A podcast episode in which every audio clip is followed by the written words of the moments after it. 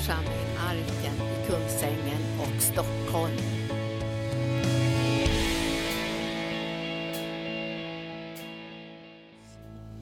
Halleluja. Tack underbara lovsångare. Visst har vi en härlig underbar dag, missionssöndag. Och vi är här och vi ger vårt gensvar till Gud. Jag satt och tänkte så här, jag har ju grundat Arkens missionsarbete innan Arken fanns. Men Gud visste ju att Arken skulle grundas här i Kungsängen. Och då kan man tänka sig, vad är en grundare för någonting? En grundare är någon som fick det första sädeskornet. En grundare är någon som Gud utvalde för att lägga det första sädeskornet i den människans hjärta. Det är en grundare. Men en grundare kan inte stå där som en pelikan i öknen och säga att jag har det här sädeskornet. Utan en grundare tar emot det första från himlen och sen planterar Gud de här fröna i många tusentals människors hjärtan. För att det han har i sitt hjärta ska kunna fullbordas. Och vi vet ju att ni som är här idag, ni känner ju igen det här och ni som ser mig också via TV, många, många av er som kopplar ihop med oss över Norden och över världen, känner igen det här i era hjärtan. Och därför känner ni också igen det här sädeskornet som har kommit ifrån himlen. Och det här sädeskornet måste ju läggas ner i jorden och dö. Och vad innebär det att läggas ner i jorden och dö? Jo, man lägger ner sitt liv för ett högre uppdrag. Man lever inte bara för sig själv och tänker det är jag och Gud och det här, det här klarar jag av och jag och Gud. Så man lägger ner det. Så det ska, det ska inte vara ett ensamt korn, står det i Bibeln. Utan det ska, måste läggas ner i jorden och dö för att det ska kunna växa upp och tusentals människor ska kunna ge sitt gensvar. Och därför är vi så otroligt tacksamma över det här som sker nu. Också i Vitryssland. Visst var det underbart att se den här videon? Vad Herren gör. Och vi har ju fått bönämnen från Vitryssland nu att de vill ju köpa en lo lokal. Vi, har ju, vi hade ju en kyrka som vi förlorade för många år sedan i alla problem i Vitryssland och registreringar och allt som hände där. Men nu har vi fått ett erbjudande om att kunna få köpa en lokal så vi får någonting riktigt, nu hyr vi ju lokal där. Och det kommer bara kosta ungefär 900 000, det är väl en struntsumma vänner. Nej det är det ju inte. Det är ganska mycket pengar. Men vi kopplar ihop med Gud. Jag tänk, tänk att han har gator av guld. Tänk att han har gator av guld. Så det verkar inte som att han tycker att det är den dyrbaraste metallen. Gator av guld. Vi ska tala idag lite, lite grann om, om hur han blev fattig för vår skull. Vi ska förklara lite grann vad fattigdom är. Men först skulle jag vilja säga något helt annat idag som är ett böneämne och jag ska tala om, om skolans värdegrund. Imorgon så kommer jag ha en utbildningsdag för framförallt en intern utbildningsdag för våra lärare och också de som är på förskolan. Men vi har några som också kommer utifrån. Därför ganska snart vänner så kommer vi att skicka ett brev till Skolinspektionen för att få godkänt inre bönen som ett alternativ till mindfulness. Och vi kommer att skicka ett brev och det kommer att gå först genom våra advokater och vi kommer att begära att få det godkänt som ett alternativ. Nu arbetar man väldigt kraftfullt att få mindfulness in i skolan. Alltså man arbetar mycket, mycket, mycket aktivt för att implementera mindfulness både i utbildning och undervisning i skolan som är en buddhistisk meditationsmetod. Men jag tänkte jag skulle bara läsa någonting om skolan. Jag läser bara en mening här med skollagen. Lyssna nu. Det här är bra. Det är ett bönämne. Skolans värdegrund förmedlas i enlighet med etik som förvaltas av kristen tradition och västerländsk humanism. Skolans värdegrund förmedlas i enlighet med etik som förvaltas av kristen tradition och västerländsk humanism. Var med mig och be nu. Jag hade kontakt med Rut, nu vår advokat, Rut Nordström i Människorättsadvokaterna i Uppsala. Och vi söker många sponsorer nu också för att kunna arbeta professionellt med att implementera inre bönen, framförallt i kristna skolor, men sen också att ni som har era barn i skolor som inte är kristna, och man kommer kanske att lägga det här obligatoriskt på scheman att göra mindfulness och yoga, då måste ni ha ett alternativ. Var med mig och be nu, ropa till himlens Gud att vi, får, vi kan bana väg för det här och att vi också ska våga tro på Guds ord och våga stå i den här yttersta tidens påverkan. För Jesus säger, låt barnen komma till mig och hindra dem inte. Om ni förför ett av dessa mina minsta så är det bättre att ni hänger en kvarnsten om halsen och kastar er själva rakt ner i djupet. Och jag tror inte de flesta av er vet kanske vilken förförelse som pågår bland barnen. Vet ni att 11-åringar tittar på spel för 18-åringar? Där man ska mörda, våldta, där det är så fula ord som man undrar varför är det så sexuell orenhet? Ni ska lyssna på de orden, jag pratar med många ungdomar, vilka ord man använder i de här spelen. Där man hugger av huvudet på människor, där man mördar människor för att liksom nå vissa steg i de här spelen. Det pågår en påverkan från mörkret som, som är så kompakt. Men jag vet att när mörkret blir starkare eller mörkare och mörkare, då skiner ljuset med allt klarare låga. Tack Jesus. Det är en så nåd utöver nåd utöver nåd att vi som församling får fortsätta att säga vårt ja till Gud.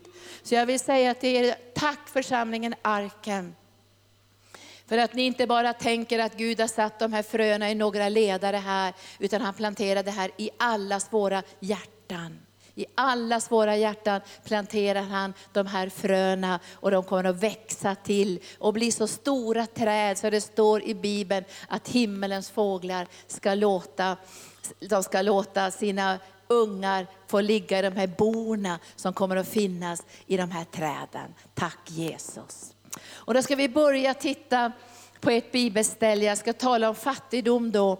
Fattigdom är ju inte bara fysisk fattigdom, eller man skulle kunna säga fattigdom som har att göra med att man inte har mat och kläder och husrum. Men det verkar som att det här är väldigt, väldigt viktigt för Jesus med mat och kläder och husrum. Och jag ska inte läsa det för det kan du redan i Matteus 25 och 31. För det är ju huvudordet för arkens mission, där som Jesus säger, Jesus säger, jag var fattig. Han säger så jag var husvill, jag var naken, jag var i fängelse, jag var sjuk. Jag var törstig, jag var hungrig. Jesus säger, jag var det. Jag. Alltså allt vi gör handlar ju om Jesus. Därför vi såg Jesus identifikation med nödlidande människor ut över världen. Och då frågar de ju, det här är den yttersta domen faktiskt i den här texten. Då säger de så här, men när såg vi dig naken och hungrig och husvill och, och fattig och sjuk och allt det? När såg vi dig det? Och då säger, de så här, då säger Jesus så här, det var ju jag, det du gjorde för en av dessa mina minsta, det gjorde du mot mig. Vad du gjorde mot en av dessa mina minsta, det gjorde du mot mig. Så det var så härligt när Anita sa, för det är verkligen viktigt för oss i arken, att allt vad vi gör ut över världen i alla länder bärs av vår kärlek till Jesus. Och vi skulle aldrig bygga en klinik, en skola, ett center utan att vara brinnande i våra hjärtan att människorna som vi möter måste få möta Jesus. De måste bli förvandlade av Jesus, helade av Jesus, upprättade av Jesus, befriade av Jesus. Och de måste få en sån kontakt med Jesus så att han kan bli det han längtar efter att vara i deras liv. Försörjaren, herden, helgesen, friden, läkaren, rättfärdiggöraren. Allt det som Gud har gjort genom Jesus Kristus önskar vi ska komma dem till del i en andlig kärleksrelation. Allt handlar om Jesus. Och nu har jag ju tjänat i missionen i, i nästan 35, 40, snart 40 år. För det var länge sedan som Herren talade in i mitt hjärta. Och nu ser jag ju alla underbara medarbetare, församlingen, alla partner, alla som har kopplat ihop i den heliga Ande för att förverkliga det här. För det här gör vi inte ensam. Och vi fortsätter att säga ja till Jesus, ja till Jesus, ja till Jesus, ja till Jesus. Vi säger ja, ja, ja, ja och så öppnas det nya fält för oss. Och så visar Gud oss nya områden och så får du och jag i församlingen Arken bli ett bönesvar. Jesus talar om fattigdom, materiell fattigdom, men han talar också om själslig fattigdom. Vi kan vinna hela världen, men vi kan förlora vår själ. Alltså den själsliga fattigdomen. Och så talar han om andlig fattigdom. Men så säger han i bergspredikan, saliga är de fattiga i anden, för de tillhör himmelriket. Och vi önskar idag att människor ska känna igen sin andliga fattigdom. Så att de ropar till himlens Gud, så att himmelriket kan komma dem till del. Det står i andra Korinthierbrevet kapitel 8 och jag tänkte jag skulle börja där idag, för jag delade det lite också igår kväll. Som handlar om Guds otroliga nåd. I andra Korinthierbrevet kapitel 9 så står det, i nion, eller kapitel 8 i nionde versen så står det så här. Ni känner ju vår Herre Jesu Kristi nåd. Ni känner ju vår Herre Jesu Kristi nåd. Han var rik men blev fattig för er skull, för att ni genom hans fattigdom skulle bli rika. Ni känner ju vår Herre Jesu Kristi nåd. Han var rik men blev fattig för er skull, för att ni genom hans fattigdom skulle bli rika. Jag berättade igår att när jag var ung så fick jag en väldigt radikal kristen förkunnelse. När man talar om att den högsta kallelsen var att vi som var troende skulle bli fattiga för Jesus skull. Man berättade inte att Jesus blev fattig för vår skull. Utan man sa den högsta kallelsen är att vi ska bli fattiga för Jesus skull. Vi ska lägga ner allt för Jesus. Så vi hamnar i den här radikalaste, radikalaste Jesusrörelsen. Där det kom massor med hundratals ungdomar ifrån Amerika som heter Christ is the answer. Mycket, mycket radikalt. Och vi sålde allt. För vi, vi hade en sån längtan i våra hjärtan att lägga ner våra liv för Jesus. Alltså vi hade en sån längtan att göra oss totalt beroende av honom. Men jag tror inte att man måste sälja allt för att göra sig beroende av honom, utan jag tror att det handlar om en fattigdom i anden. Saliga är de fattiga i anden, att göra sig totalt beroende av Gud, för han är vår källa. Men vi tog det här väldigt fysiskt, så vi sålde allt. Och jag, jag kommer ihåg att jag gav bort allt, så jag hade ju inga kläder ens. Så när jag kom hem och hälsade på mina föräldrar i Norrbotten så hade jag ett, för stor, ett par för stora herrskor och en ful herreverrock. Och jag kom och min pappa sa, måste du se så ful ut när du har tagit emot Jesus? Jag har försakat allt, sa jag. Jag har lämnat allt för Jesus. Och vi sålde allt och vi kunde sitta i, där, i, böne, i de här små bönegrupperna och säga, får man ha två par strumpor eller ett par? Två par jeans eller ett par? Alltså det skulle vara radikalt. Så till sist så hade jag nog knappt någonting kvar. Jag hade en liten ful ryggsäck och ett något dåligt trasigt tält och så stack vi iväg till Europa och hade försakat allt. Men vi fick lära oss beroendet av Gud. Det var någonting i det där som, som gjorde att vi fick en tro på Gud. För varje dag så fick vi be Gud ge oss mat idag, för vi hade ju inga vi, kunde ju inte, vi hade ju ingen mat där i Holland och Tyskland och var vi nu var någonstans och evangelisera på gatorna. Jag var gatuevangelist i, i nästan fem år. Vi hade ju ingenting. Man kunde stå på gatan och säga så här, man skulle evangelisera då och vinna massor för folk för Gud och kunna stå, åh gode Gud skicka någon som ger mig pommes frites idag. Och mycket majonnäs, det hade man ju i Holland, mycket majonnäs. Och mycket majonnäs. Och så gick det kanske fem minuter så kom det någon och gav pommes frites och majonnäs. Och vi hade mat varenda dag i det där Jesusfolket. Och Gud bara försörjde oss. Och en gång så fick jag så snabbt bönesvar så jag tänkte det där är helt omöjligt Gud. För det kom en man från Ica och gav mig efter 20 minuter exakt det jag hade bett om. Och då räknade jag ut att det hade han aldrig hunnit få bönesvar, hämta grejerna, ta sig från Ica där jag bodde i något skabbigt Jesushus. Det var helt omöjligt. Och då sa Gud, vet inte du Linda att jag vet vad du behöver innan du har bett om det. Så det var ju bibelord också.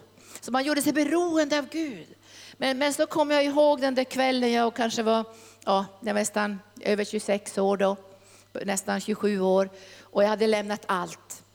Och jag kommer ihåg till och med när jag jobbade där med Brorspets så var jag fortfarande kvar i det där fattigdomsidealet. Så då hade Sandy Brown sagt en gång så här, hon var ju med mig och predikade där med Brorspets på vi hade en stor konferens och så sa Sandy Brown, den där evangelisten som du har, den där Linda, har hon bara en klänning?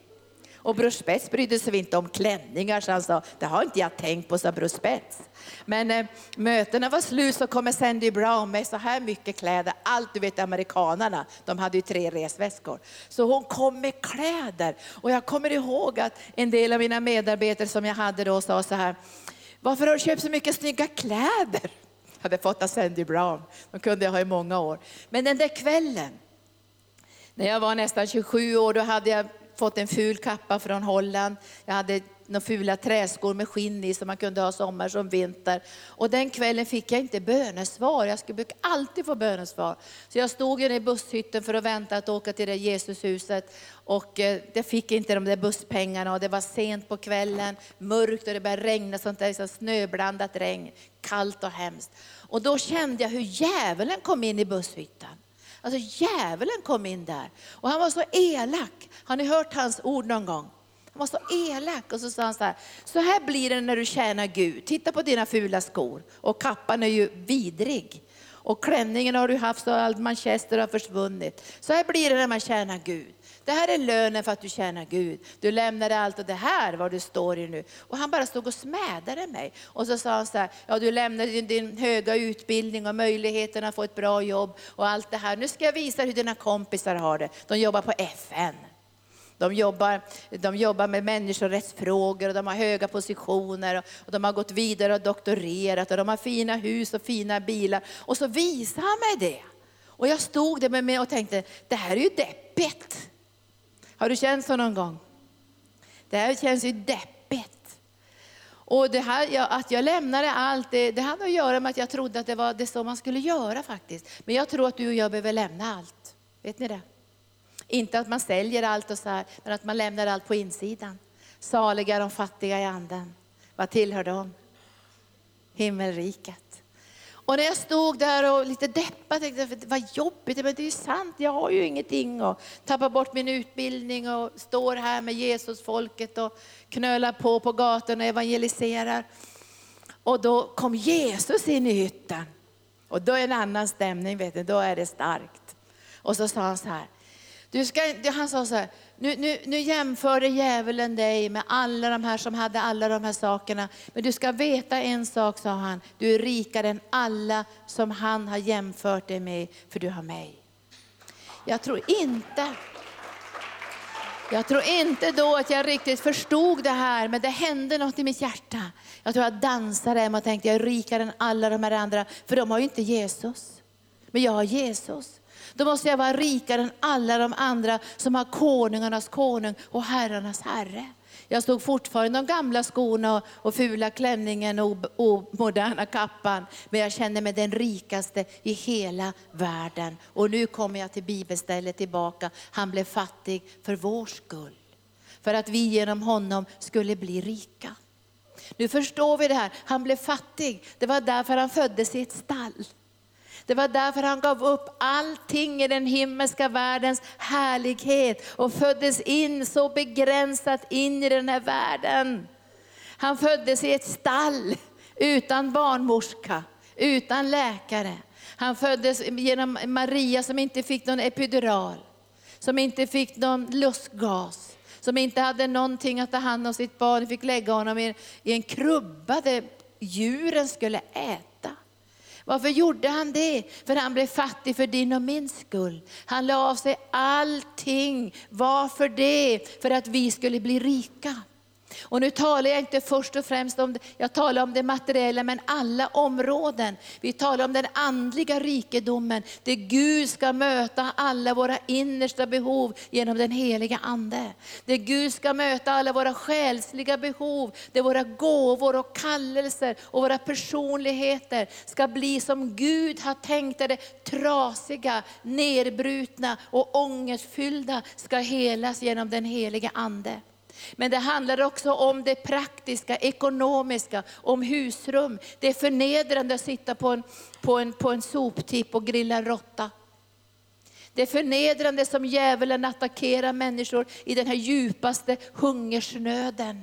När människor är på flykt i förtvivlan, där de förlorar allting. Jag pratade med en man häromdagen som kom från Irak som var kristen och sa, vi har förlorat allting. Allt är nerbrundet, allt är förstört. Vi har sett hur barnen utmärglade sträcker ut sina händer för att få en brödkaka. Men Jesus säger i Jesaja 61, där det står om hans tjänst, glädjens budskap till de fattiga. Glädjens budskap till de fattiga. Och för att Gud ska kunna lösa ut glädjens budskap till de fattiga, så måste vi ta emot från himlens konung att han blev fattig för vår skull, för att vi genom honom skulle bli rika. Och när du och jag förvaltar evangelium, då är vi rika. Då har vi budskapet, lösningarna, hjälpen till människor. För det är bara Jesus Kristus som kan förvandla människors liv. Jag tror ju på moral. Jag tror att man ska inte begå sexuella övergrepp och ha övertramp och hålla på och synda och göra alla möjliga saker. För det finns mycket mörker under ytan. Men jag vet också att det är bara Jesus som kan förvandla en människas hjärta inifrån. Jag tror att vi genom lagar, genom förordningar, genom bestraffning, vi kan få människor att ändra sig utifrån. Och jag tror vi behöver en bra lagstiftning också för att skydda människor i vårt land. Men jag vet att det är bara Jesus Kristus som kan förvandla människor inifrån genom den heliga Ande. Och då kommer de att vara som Jesus, och det står i Bibeln, han hatade orättfärdigheten men han älskade sanningen. Och därför har Gud smort honom med glädjens olja mer än medbröderna. Han blev fattig för vår skull. Och därför behöver du och jag veta att vi har tillgång till den här rikedomen. Vi kan lösa ut det här i tro. Och jag, är ju inte, jag, är, jag känner ju fortfarande att jag är lite präglad av det här som, som jag fick genom Jesusrörelsen, den enkla livsstilen. Och jag känner, jag, jag vill inte ha några grejer för mig själv. Jag menar, vad, vad ska jag ha det till?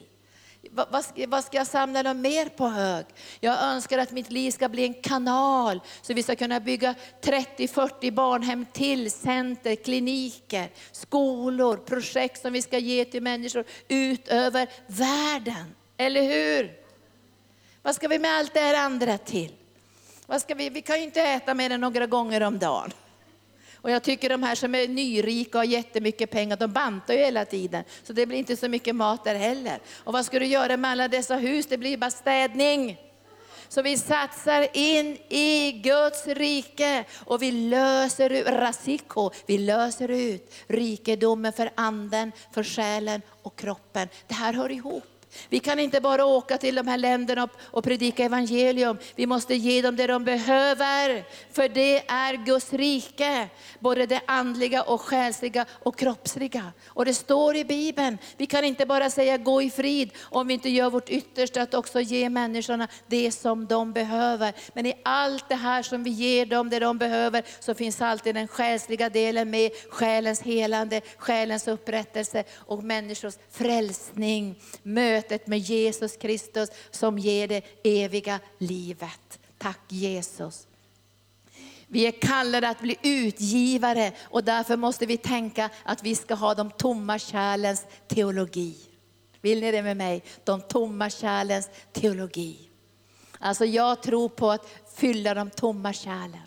Att tillsammans med den heliga Ande se, vad kan vi göra? Vad kan vi fylla på? Vad kan vi ge liv? Vad kan vi trösta? Vad kan vi utbilda? Vad kan vi träna? För den här kvinnan, ni vet i, i, i andra konungaboken, så mötte Elisa en kvinna som hade förlorat allt. Hon var på väg att säljas tillsammans med sin son som slavar. För hennes man hade dött och han hade varit en profetlärjunge. Hon var förtvivlad. Och då frågar profeten, den här kvinnan, vad har du där hemma? Troligtvis hade hon väl redan förlorat allt och försökt att betala sina skulder. Men hon säger, jag har bara en liten, liten flaska olja hemma. Jag har ingenting mer. Jag har ingenting mer. Och jag tycker det här är en så fantastisk berättelse, därför den talar om den övernaturliga dimensionen. Vi talar inte om att vi ska försöka fiska bara massor med miljonärer som har mycket pengar. Vi talar om kontakten med Gud. För vi önskar att de som ger ska ge därför att de älskar Jesus och känner igen också den här visionen. Och därför finns det ju människor som ännu inte är troende, som ger till arken. Därför de känner igen det här som vi gör och de kopplar ihop med oss. För att vi ska kunna hjälpa människor ut över världen. Men vi har alltid någonting som vi kan bära fram till Gud. Vi har alltid någonting. Den här kvinnan protesterade inte. Hon sa, jag har bara en liten oljeflaska hemma, det är det enda jag har kvar. Tänk att bara ha en liten oljeflaska kvar. Och så säger profeten, hämta de tomma kärlen. Hämta de tomma kärlen. Gå runt till grannarna och så ber du få de tomma kärlen. Hur många kärl, samla så många, så många, så många som du bara kan. Hämta de tomma kärlen. Och hon gick till grannarna och så frågade hon, kan jag få låna ett tomt kärl? Kan jag få låna ett tomt kärl? Kan jag få låna ett tomt kärl? Och så hade hon massor med tomma kärl och så tog hon fram sin lilla oljeflaska och så började hon hälla. Det här har jag sett genom åren. Vi börjar hälla och vi fortsätter att hälla. Och vi pratar med våra medarbetare här, för vi måste ha barmhärtigheten, rätten och troheten. För trofastheten är det viktigaste för oss i arken. Barmhärtigheten, rätt, rätten men också trofastheten. Att vi inte sviker våra partner. Att vi inte sviker de här människorna som ropar efter oss. För plötsligt kan en annan partner försvinna. Vi har ett hem i, tillsammans med vår organisation i Filippinerna i Manila. Där flickor som är prostituerade på gatorna får komma in i det här hemmet och få den första hjälpen. Och, och de, de, de, som har tagit emot Jesus. Nu hörde vi att den sponsorn, det är inte en svensk sponsor, det är en utländsk sponsor, hade hoppat av. Och, och, då var de förtvivlade, måste vi lägga ner hemmet? Nej, säger jag på en gång till medarbetarna, det gör inte vi, vi lägger inte ner det här hemmet. Vi kommer att få en ny sponsor. Vi fortsätter att heller. Vi får aldrig stanna upp. Kommer ni ihåg vad som hände när det inte fanns några mera kärl? Då stannade oljan upp. Och därför har vi sagt i arken så här, vi fortsätter och häller, vi fortsätter och häller, vi fortsätter och häller, vi fortsätter och häller, vi fortsätter och häller. Och även om vi känner så här, men vi har inte så mycket nu, vi fortsätter och häller, vi fortsätter och häller, Därför att det är det som är Guds hjärta. Och då säger Herren så här till oss, han säger så här, jag blev fattig för er skull, för att ni skulle bli rika. Och sen säger han i 9 och 6, Tänk på detta, den som sår sparsamt får skörda sparsamt. Den som sår sparsamt får skörda sparsamt. Och jag har inte tid att skörda sparsamt.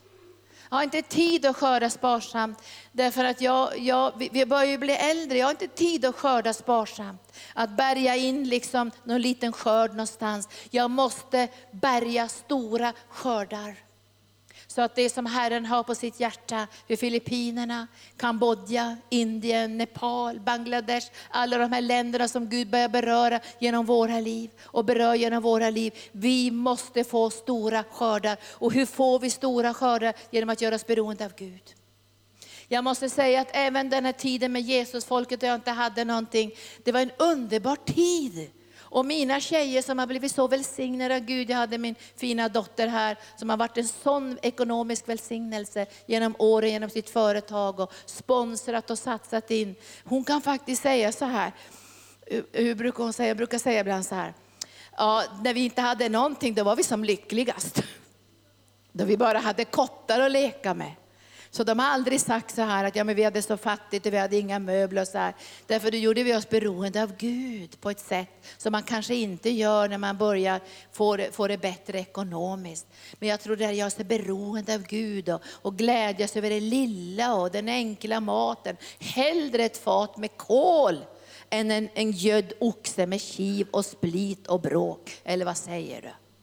Jag har aldrig, aldrig tänkt så här att, åh vad fattiga vi är, vet du, för Gud ger guldkant och närvaro och härlighet i alla livets förhållanden, när vi har mycket och när vi har lite. Och det är därför som Paulus säger, jag kan finna mig i armod och jag kan finna mig i överflöd. För genom Jesus Kristus får jag den här kraften och glädjen. Och så säger han så här att, den som så rikligt ska få skörda rikligt. Det betyder vi löser ut ekonomi, vi löser ut resurser. Vi har ett bönearbete som inte bara gäller oss själva. Gud möter våra behov, han ser våra behov. Men jag tycker det är mycket, mycket roligare att lösa ut på ett annat plan. Och då märker jag också att Gud möter mina behov med välsignelse. Visst är det härligt det? När man ser den här kopplingen. Och så, nu ska ni få höra vad Herren säger här tycker det är så fantastiskt. Jag kan inte läsa allt, men jag läser, jag läser nu från sjätte versen. Och Gud har makt att ge er all nåd i överflöd. Kommer ni ihåg när det här med rikedom var nåd? Det var inte att vi ska kämpa och försöka bli jätteduktiga. Det var nåd. All, han ska ge er all nåd i överflöd så att ni alltid i allt har nog av allt och kan ge i överflöd till varje gott verk.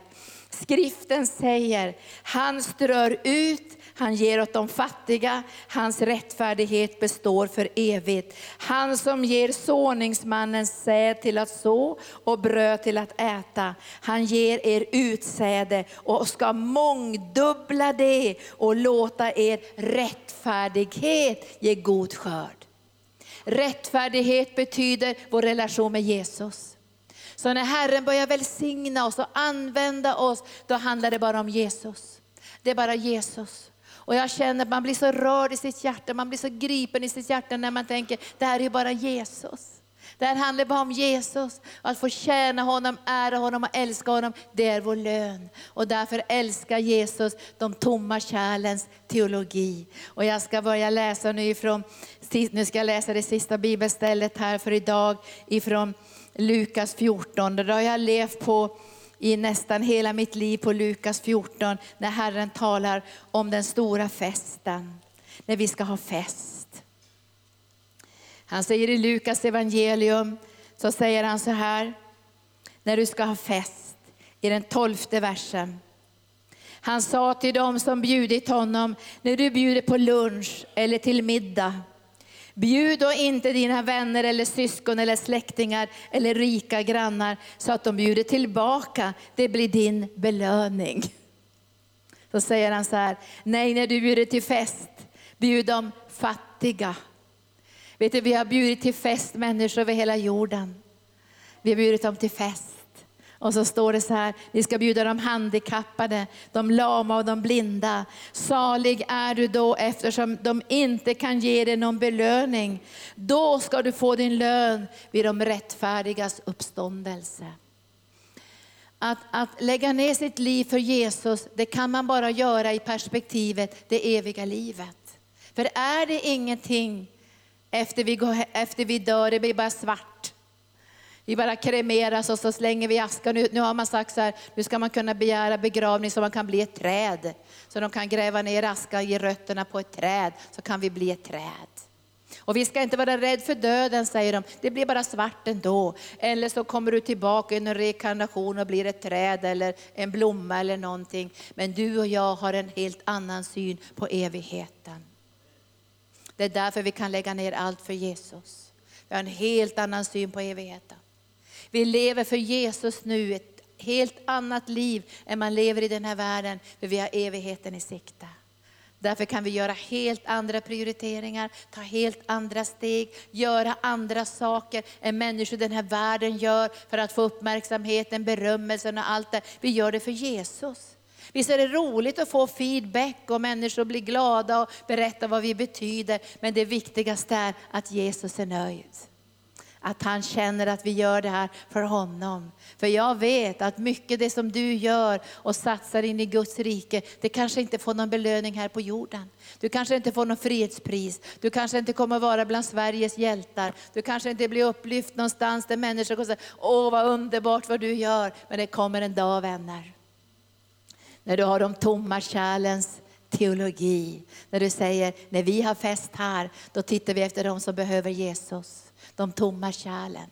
De som behöver andlig hjälp, själslig hjälp, materiell hjälp. Och så sätter vi till vår skuldra och säger till Herren, här är jag. Och jag kanske bara har en liten oljeflaska. Jag kanske har väldigt knappa resurser i det naturliga. Men himlens Gud har inte knappa resurser. Himlens Gud har inte knappa resurser. Jesus har lämnat den här fattigdomen efter sig nu och nu sitter han på Faderns högra sida i härlighet. Halleluja.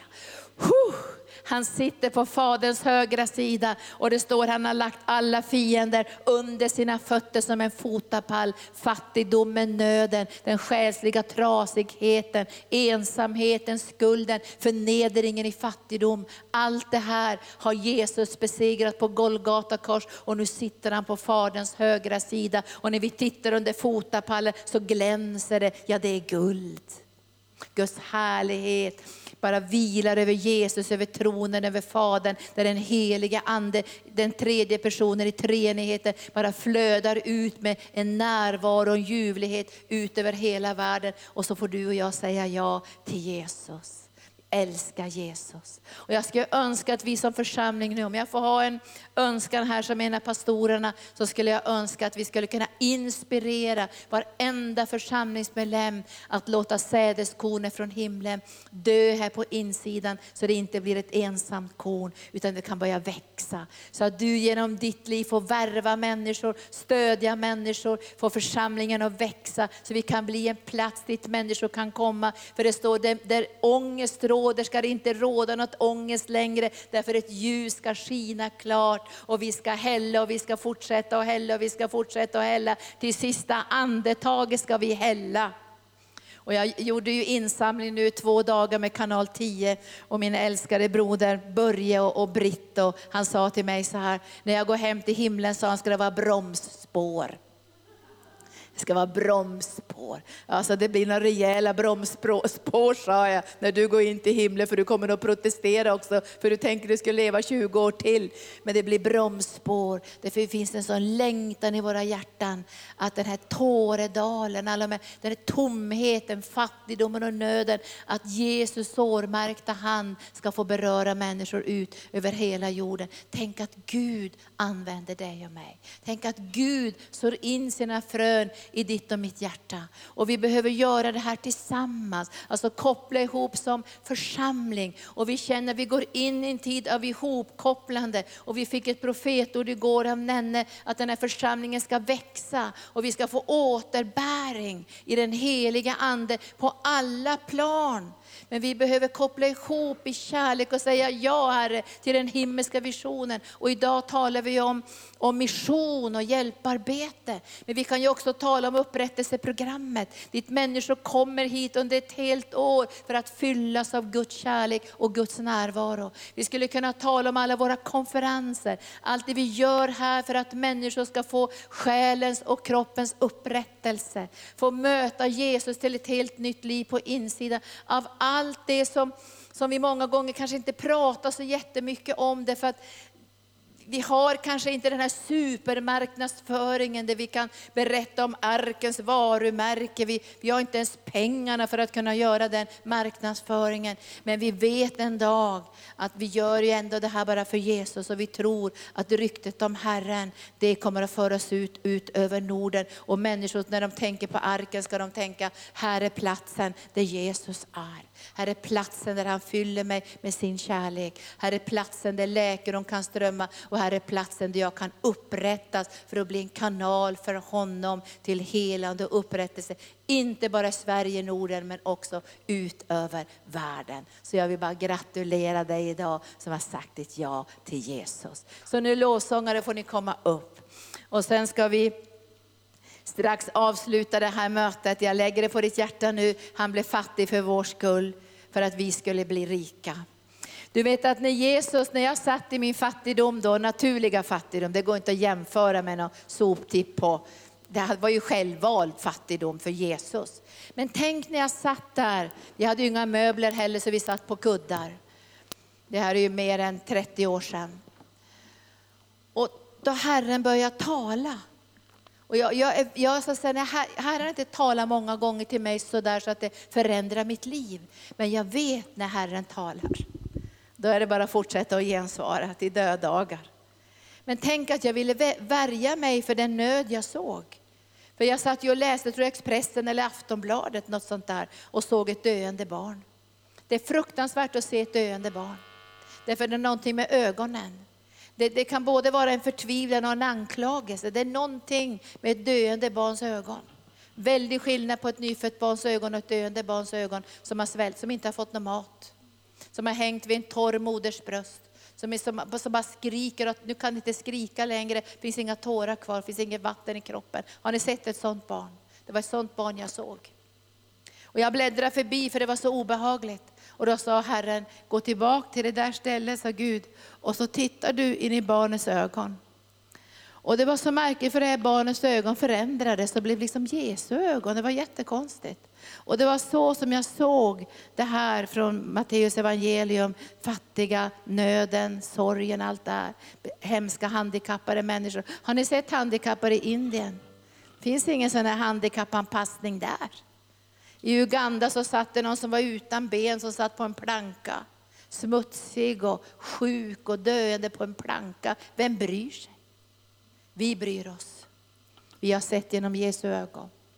Och då sa Herren till mig, jag vill att du ska ge mig hundra hus, det var sädeskornet. Och jag vet ju att det var bara sädeskornet. Därför det här måste ju fortplanta sig. Det här måste bli en skörd bland tusen och åter tusentals människor i arken och genom arken. Men vi måste fortsätta att se genom Jesu ögon, annars blir vi självcentrerade. Och vi börjar leva för oss själva. Och vi pratade på kanal 10 också om att många kristna då bryr sig inte om att gå till kyrkan längre. Det har blivit en slags sekularisering som har trängt in i hjärtana. Man tänker, men jag är med i en liten bönegrupp, jag får ju mina behov mötta. Men vet du, kristendomen inte att få sina egna behov mötta. Det är att genom, genom kärleken till Jesus bli en kanal för att andra människor ska få sina behov mötta. Och det kan man inte göra ensam. Det kan man inte göra själv. Och jag, vi tänkte att vi ska ta en liten stund och be. För jag tror ibland att vi behöver förnya den här drivkraften, eller hur? Det har hänt flera gånger att jag bara varit så trött så jag bara känner att jag orkar inte med det här mer. Jag, jag tycker det är för jobbigt att samla in alla de här pengarna och det finns inte medarbetare nog. Och, och det, det, det, blir jobbigt där och det är jordbävning där och det är översvämning där och vi planterar det där och nu är det förstört där. Och, och man kan känna hur ska vi orka det här, hur ska vi idas det här? Och så finns det människor som bara sticker och de som har jobbat i funktion man känner man blir bara, oh, hur ska vi orka? Men då tänker jag halleluja, jag har sett genom hans ögon.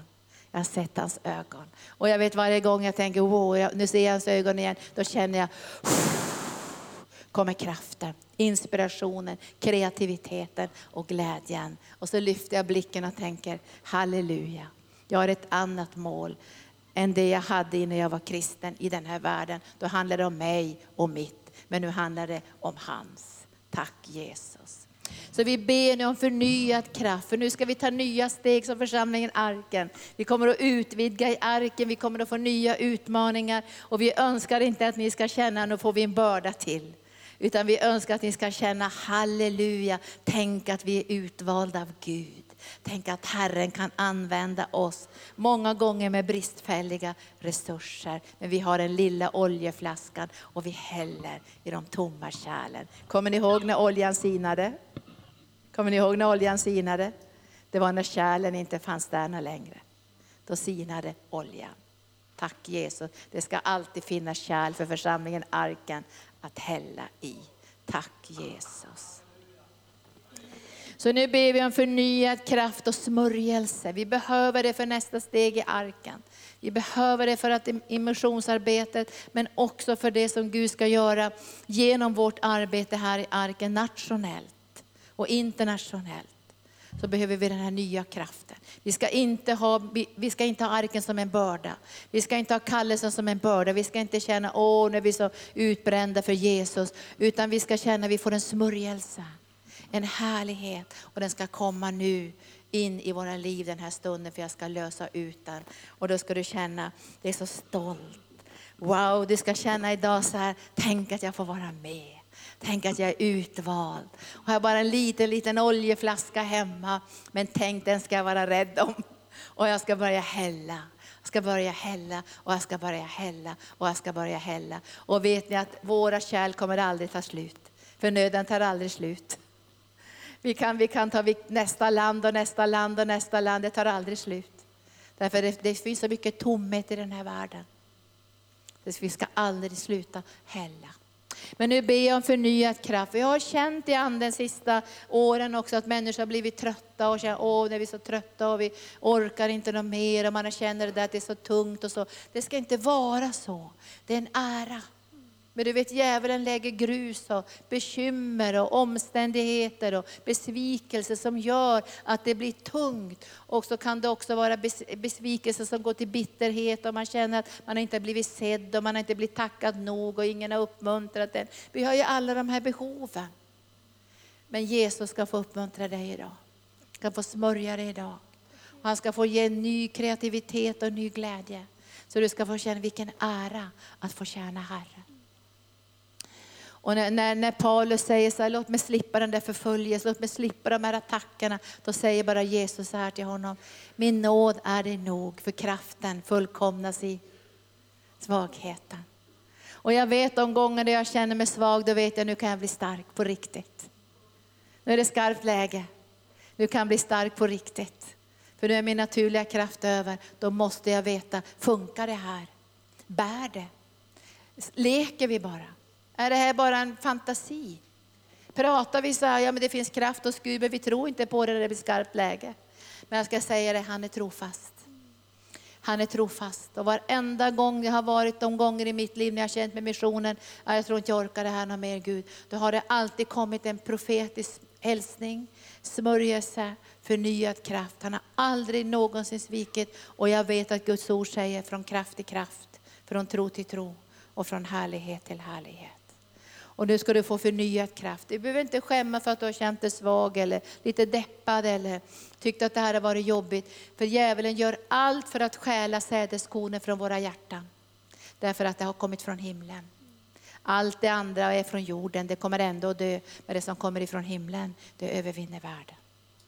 Så nu ska vi be om den här övernaturliga kraften och du som är lite äldre också som känner att dina krafter på något sätt sviktar i det naturliga. Det finns en övernaturlig smörjelse i den heliga Ande. Tack Jesus. Tack för att du har lyssnat. Vill du få del av mer information om församlingen Arken, vår helande tjänst, bibelskola och övriga arbete, gå in på www.arken.org.